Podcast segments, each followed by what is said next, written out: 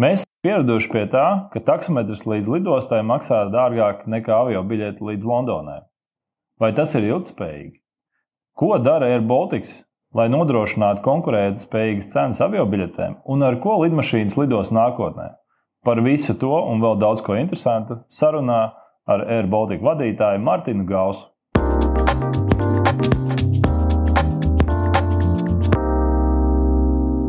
We are meeting today in Air Baltic office uh, with the CEO of Air Baltic, and I think Air Baltic has gone a very long way from just an ordinary air, air, air corporation into a sustainable, uh, very modern company we know it today. Yeah, we have done a lot in the last 10 years. Actually, 10 years ago, we took probably the biggest step by signing up for an aircraft which didn't exist at that time. Uh, and we today are the largest operator of the Airbus A220-300, which is the greenest aircraft currently you can fly. I recently read an article that uh, you are now letting the old aircrafts uh, go back to the producers or leasing companies. So Air Baltic basically will stay only with this new nice aircrafts which we know know right now. Yes. Yeah, we have actually also this week we started the redelivery of the last turboprop aircraft. This area is over. Uh, they go back to the lessor after 12 years. They were uh, something we had from the past, and in the last 10 years since we changed the company, we still had to use them or pay for them in the last two years. And now they go by October, all of them will be redelivered. And then that chapter is over and we only focus on the new aircraft coming in. I think for just a normal passenger, probably aircraft is associated, is associated with the environment, which we enjoy or we don't.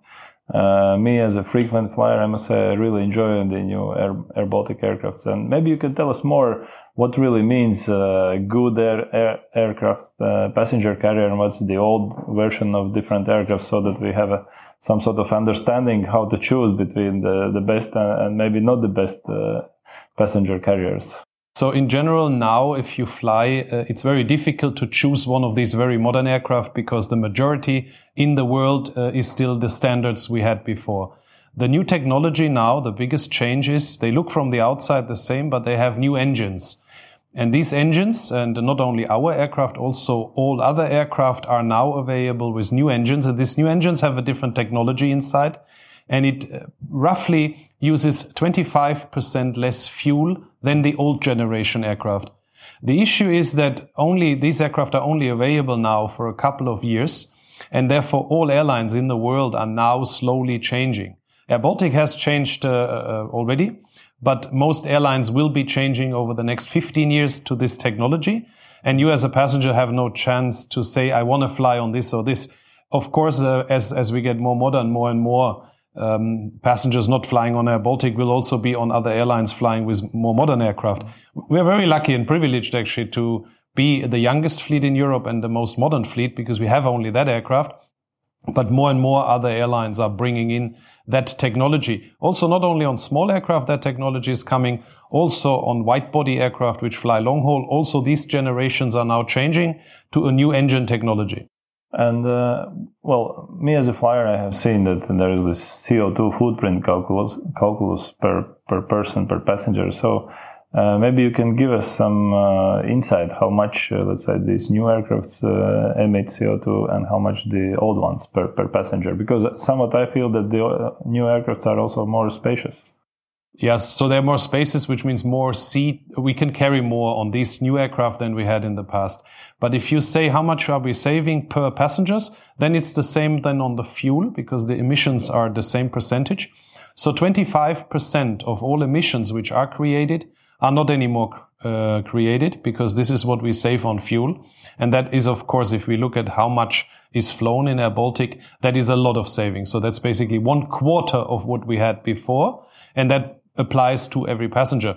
And as we have larger aircraft and flying also uh, on the routes where before we had smaller aircraft, the saving is even bigger. If we look at this is the this is the emissions on uh, the CO2, but we have also a noise emission, and that aircraft is four times um, uh, si more silent than previous aircraft. Outside of an airport territory, this aircraft is hardly hearable. So it has it is also from the noise, which is an, an emission as well uh, and NOx also, it's a 50% reduction in NOx. So the aircraft itself comes with a lot of features which are good for the environment, but at the same time for the passengers, because on board the aircraft, we have a different air cabin. So there's a different uh, uh, air system. And this aircraft has the most windows and the largest windows of any aircraft in this category. And that means when you fly, you have a lot of daylight. And what you immediately see getting onto an older aircraft is somehow inside it's more dark.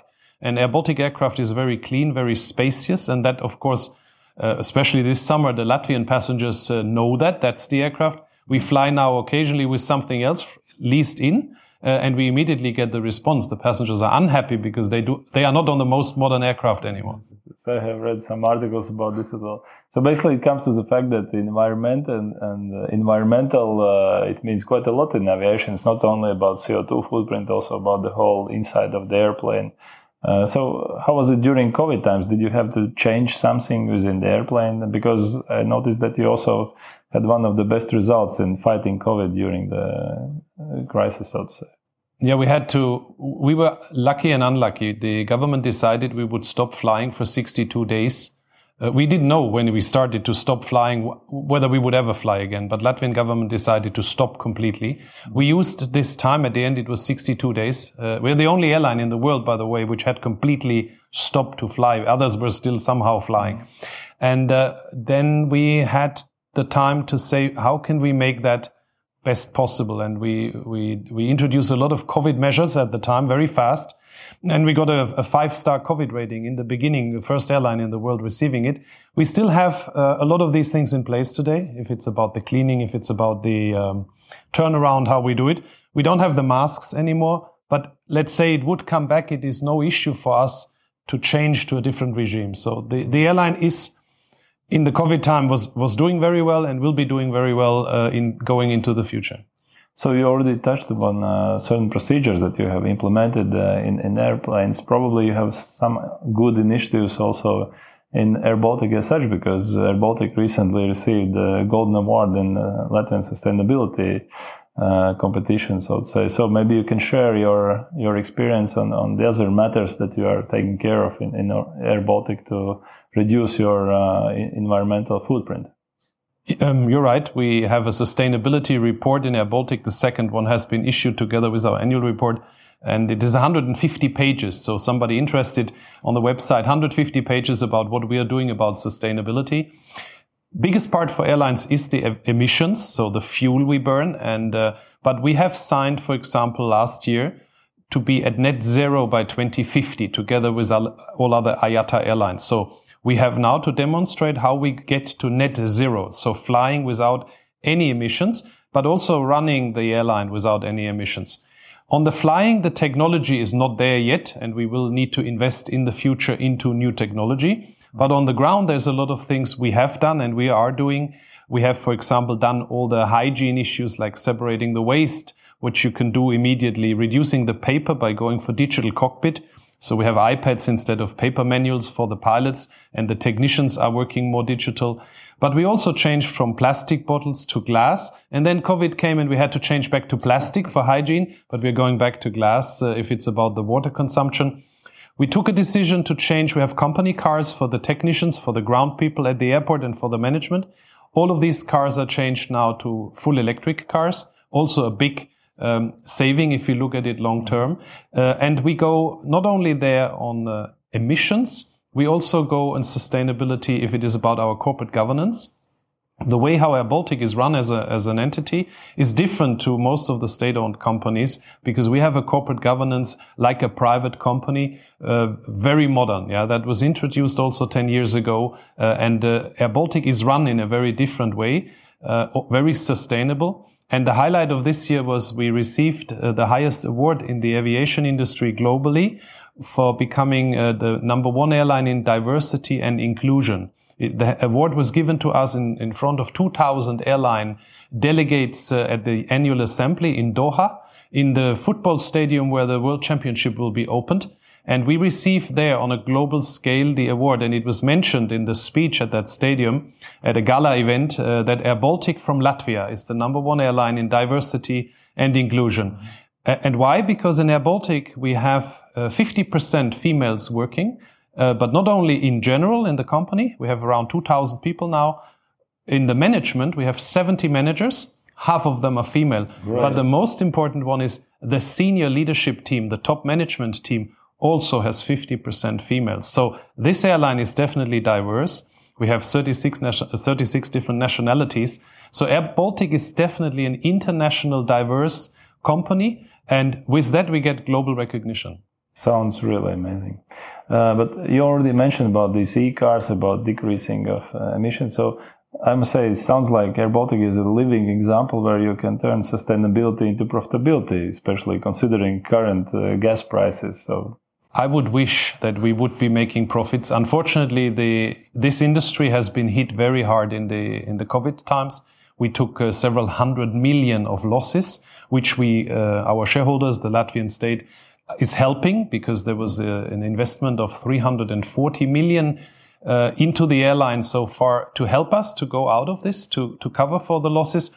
And that's an important point. These 340 million Air Baltic has received, we have to pay it back which means we are now and doing all these initiatives, we need to go back into profitability.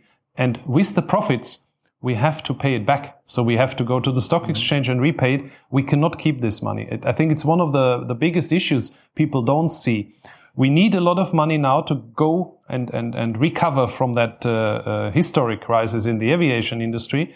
But at the same time, we need to uh, make the company good enough and grow it that we can repay it because it is a temporary uh, capital injection. And how do we do this? To try to stay on top if it is about uh, technology, because this industry can only achieve the targets of becoming net zero when you always stay on top of the latest developments. So we are now looking at the next generation aircraft. They are not available yet, but it, it's going to be hydrogen. Mm-hmm. And in between, we will use sustainable aviation fuel, which we already do. Biofuels, maybe e-fuels, which are you extract CO2 from the atmosphere mm-hmm. and you do a process to have a, a, an e-fuel. All of these things are happening now, and more and more of this will come. But the, the, the overall target is to fly and have zero emissions. And that is something I'm personally very interested because I want to be here when an aircraft flies, takes off with all these passengers and has no emissions. Because that is mm. possible and it will come. And, and Air Baltic is leading on that front in the world. We are seen as an example of how to go there, even if it takes still a couple of years, but it, it will happen. So you mentioned this hydrogen issue. I think it's a big, big uh, issue also in our business where we are driving waste trucks and, and talking about sustainable fuels. So maybe let's dig a little bit deeper into this topic because I think an average passenger uh, really does not know what the uh, aircraft, uh, what type of fuel is it consuming. So what's your ex expectation? How many years do we still have to wait for this development and finally see the first airplanes taking off uh, with some new fuels and maybe not even leaving leaving those white nice tracks in the in the sky. Um, I think that the the the, the white uh, the stripes we will still see because this is basically from the gas goes straight into uh, freezing. So what you see basically is is frozen. Uh, that's the emission, and you will still have some form of emission. It might be water, but that water also will freeze up in the air. So even if it is net zero, we we will see some some white stripes. But we are having sustainable aviation fuel, biofuel or fuel made out of waste. We have different ones available to us, mm-hmm. and we are taking each year more percent into the, the fuel which we have. So we're mixing the fuel. Uh, and and uh, for example, it started in Oslo, but it's also now in Helsinki, not available in Riga yet. But when we fly to other airports, most of the countries have issued already laws that you have to take on a certain percentage of that fuel. The aircraft has to be capable of, of uh, taking that fuel. So the engine, uh, as we have the most modern aircraft, that aircraft can take uh, this fuel in. So we are not limited here. We do this outside Latvia. We bring in the fuel already and we burn the sustainable aviation fuel, the biofuel. If we talk about hydrogen, this is a big technology step because what we need is an engine which is fu- which is uh, fed with hydrogen fuel. Mm. And uh, on the cars, it's not a big issue because if something happens, you stop the car. If something breaks and you stop and you get off the car because it, it can be, if it is combined with oxygen, become very explosive. Mm-hmm. In our industry, we cannot just stop uh, in the air. So the testing, which is now led by Airbus, uh, will be first done on a normal aircraft. They will put an additional engine. It is an, an Airbus A380, a very big aircraft. They put one more engine on. They build a very secure area in the back of the aircraft. And there they will put in an extra tank with hydrogen fuel. And then they will have that extra engine being powered with that. The first commercial airplane is expected to be available in 2035. This how long it will take for that technology to come. And that's why now the current step is all airlines need to change to what Air Baltic already has, the, the new aircraft. That will take another 10 years. And then we have a couple of years before the first aircraft uh, arrive with hydrogen. And then Air Baltic, because we have today the most modern, very likely in 2035 we'll also have then the first hydrogen aircraft. There's something little in between. It's electric aircraft, especially the electric uh, vertical takeoff aircraft. Uh, that is coming. So for Air Baltic, very interesting because connecting from different Latvian cities, that could be because they're electric. That could be uh, something, we, and we're looking into it. What what are the benefits of this? Some larger airlines have already signed big orders to connect passengers from smaller locations mm-hmm. with electric vehicles. I, I would see this we will see before we have hydrogen aircraft. So small aircraft electric feeding us, us flying with that current technology and then we change to hydrogen aircraft where we will be 100% uh, um, without emissions. But it is not, a lot of people say you should stop flying because you have emissions that will not, not work. We will need to give it the time. Mm-hmm. But in 2050, it will have happened because the whole globe has committed to do it and we will develop in this direction. So it means that there is both disruption in the industry happening and also development of existing uh, engines, uh, aircraft. So it sounds really interesting uh, industry to be in. it, it is. It is. Uh, I'm 30 years now in this industry, and uh, I enjoy the industry because we see already what is coming, and we always saw. Uh, 10 years ago, actually now 10 years ago, I signed for the Airbus A220 in London. Uh, the the first contracts. We got the aircraft only four years later because it wasn't flying at the time, and I remember how critical it was seen. But today we have all the benefits from this aircraft. And we are now looking at electric aircraft and at hydrogen aircraft. We're not signing anything now. People already in Latvia are nervous that we maybe spend some money. No, we are doing all the preparatory work to be able to take a good decision for the future. But it is years away. And in between, we, we do the other stuff we can do, focusing on what we can change in small and using sustainable aviation fuel more and more because that reduces, of course, the emissions uh, already now. And people say, why don't you take 100% avia- uh, sustainable aviation fuel? It's not available. It's impossible. There's not enough fuel produced and the world cannot produce currently more sustainable aviation fuel to satisfy just aviation. But in 2030, we have another problem because the forecast says that then other players like the shipping industry will also want to have sustainable fuel. And if all of that comes together, we will never have enough sustainable biomass or waste to create enough fuel. So we need to find alternatives, and that is very likely hydrogen. Okay, but talking about these fuels, so we all know that uh, CO2 emissions come together with high taxation. So the average consumer, what is uh, what he or she shall expect? Probably the price of traveling, of buying avia, avia tickets, it will go up, or what is your expectation for the next, let's say, three, five, ten years? The, the passengers always think an airline like us decides on the price of a ticket. We don't. The ticket price is decided by our competition. So we have Ryanair, Air, Lufthansa, Norwegian, Turkish Airlines, and Finnair, and many more all of them are selling a ticket and people can go direct or indirect. So the prices which somebody puts in the market, um, you will not sell the ticket if the other one sells the ticket much cheaper. Mm-hmm. So the prices are built with the computer systems to, to be able to sell still. And the pressure, the competitive pressure is keeping the ticket prices low and that will stay for the future. Still, if everybody has higher cost, like now with the fuel, then the ticket prices go up because of the fuel price going up or inflation. But it is not that we can say, okay, we have, and we have, we have 50% higher cost now because we are in Latvia and have higher inflation and the fuel is more expensive. So we increase the ticket prices. It wouldn't work because if our competitors don't increase the price, we cannot. It's a global business. So I expect that fuel, the ticket prices to go slightly up with inflation or even below. um, because the fuel price, so the airlines have to become more efficient because the fuel prices are going up and down um, with the global uh, uh, fuel market or oil market. So, but we cannot, uh, we, we will not see long term a significant increase of ticket prices because this would reduce the uh, passengers who travel. So therefore, the, the industry is, is very careful on this and has a lot of experience. If the prices go up, the demand goes down. And of course, we, we believe, all of us believe in, in growth, more travel, but it means it needs to be affordable. But talking about this more travel, I, must say recently I have experienced a lot of delayed flights, uh, basically traffic jams in some major airports.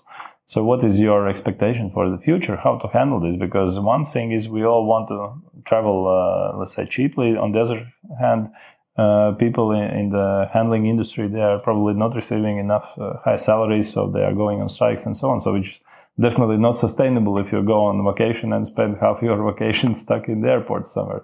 How to tackle this problem? No, we had we had yesterday the big example of uh, on top of all that what happens in Europe right now that uh, Lufthansa was on strike the whole day.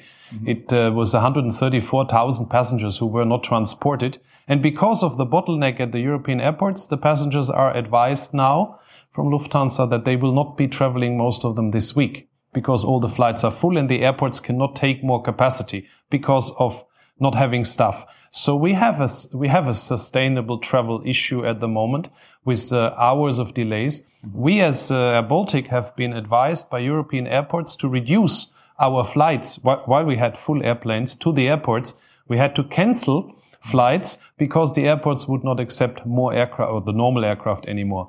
It's a summer 2022 after COVID, after or during war scenario, um, which will be fixed next year. But this summer, the airlines know we have no chance. We we are lucky because we started at least in the morning from the Baltics on time, uh, but then we get the delays like everybody else, and we come and fly the whole day with a delay.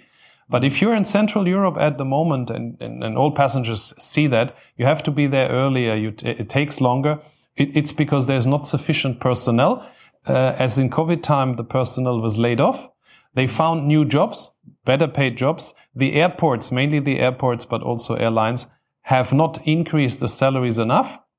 So therefore now the people are not returning.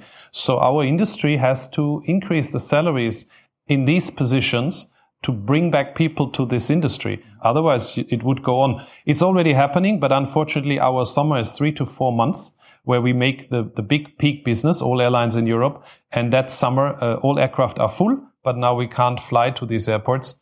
Um, long term, uh, not an issue because, of course, we, we could fly much more if the airports would be able to handle us. And, and again, we're in, in, the Baltics here. Riga Airport is a shining example this summer of doing it very good. We have a new record on the shortest time, how long it takes in average for you to get your bag on the baggage belt. Yeah, and our on-time performance in the morning out of Riga is best. The problem is we fly out, we have the delay, we come back with the delay, and then we are delayed for the rest yeah. of the day. But I think in Riga we are used to good internet, uh, good yes. uh, mobility with other European cities. But it sounds a little bit that this traveling might become like uh, something luxury uh, and difficult in the future because higher prices, higher salaries. There's a big pressure on the pricing in general. So, what do you think? What are the main challenges for your industry? Uh, the, the, the, passengers might not want to hear it, but I think it is too cheap to fly 2,000 kilometers for a price of a cappuccino, which is possible with some of our competitors or even with us. 19 uh, euros 90 is our cheapest ticket. And I think it, if we look at it, is that sustainable that you pay 20 euros to fly 2,000 kilometers in the extreme case? But the taxi you take to the airport costs you more. Yeah. But uh, if we are saying it should be more expensive, the passengers say it's too expensive. But what you get, you're transported in a very short time over thousands of kilometers for a very, very low price because we have been, our industry has become very efficient. So we, we can do this. Not this year, we're not making money, but we made money before. So we can, we can transport you for this money. But is it right that only that is super cheap, but everything else is expensive. The the um, passengers want to travel. That will not change. The generations coming, they want to travel even more. So we will not have the issue of people do not want to travel. The question is, are they spending the money then to travel? Or are they spending the money and not traveling on something else? As long as the taxi drive is more expensive than the flying, I would say we have no problem. People will be flying. And I would say even if uh, it would be more expensive, if you have the chance to go for a weekend to, to Rome or to Athens, yeah, and uh, it would cost you 150 euro, you probably take that decision in the future if you have the money rather than uh, saying no no i stay here. And the generation coming there so international now uh, they demand this. And these are the future travelers. So i i see I, I see the future that uh, even if prices would go up, let's say everybody would go up, that it will still be the cheapest way and the fastest way to move uh, over long distance. So basically, in a way to summarize and wrap it up, I would say that while Air Baltic is doing a great job to be sustainable and most sustainable among the airline companies, I think all the passengers still have to look forward and expect sustainable prices also uh, for air travels, uh, sort of be higher than the taxi drive to the airport in the future. Yeah, I think if, if we just look at it in a fair way, it, it, it should be fair. It should not be that people expect uh, the price of a cappuccino to be transported, but then the cappuccino they they are uh, ready to pay five euros. So I think it should be fair, um, but we also should not. So when we, we should make we should earn our money, we should make profits. Um, so we need to get to this point, but then we don't need to make more than profits, right? That that's okay, and then we deliver what we can but it, it, should, it should be fair and it needs to be sustainable because we cannot invest, uh, and we have invested billions in the future. We cannot invest into the future if we are not doing it with profits. Okay, thank you for this very interesting uh, discussion. So I hope that our listeners will enjoy it and see you, see you on, on the airplanes. Thank you very much.